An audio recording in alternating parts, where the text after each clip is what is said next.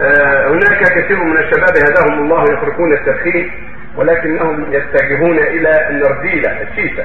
فهل من كلمة توجيهية لأمثال هؤلاء؟ نعم نعم.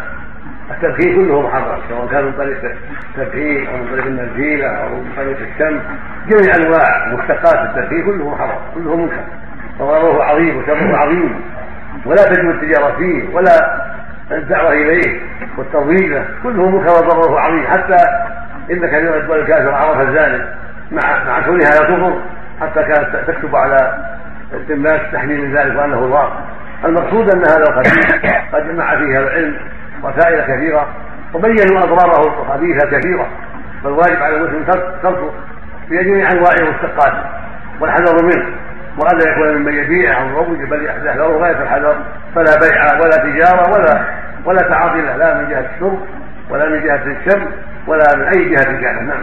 تقول الدليل على تحريمه يقول الله جل وعلا يسألونك ماذا احد لهم. قل احد لكم الطيبات. أسألك بالله هل هو من الطيبات؟ والله ويقول جل وعلا عن النبي صلى الله عليه وسلم ويحل لهم الطيبات ويحرم عليهم الخبائث والطيبات عند أهل العلم هي المغذيات النافعات بدون مضرة هذه الطيبات والدخان لا يغذي بل يضر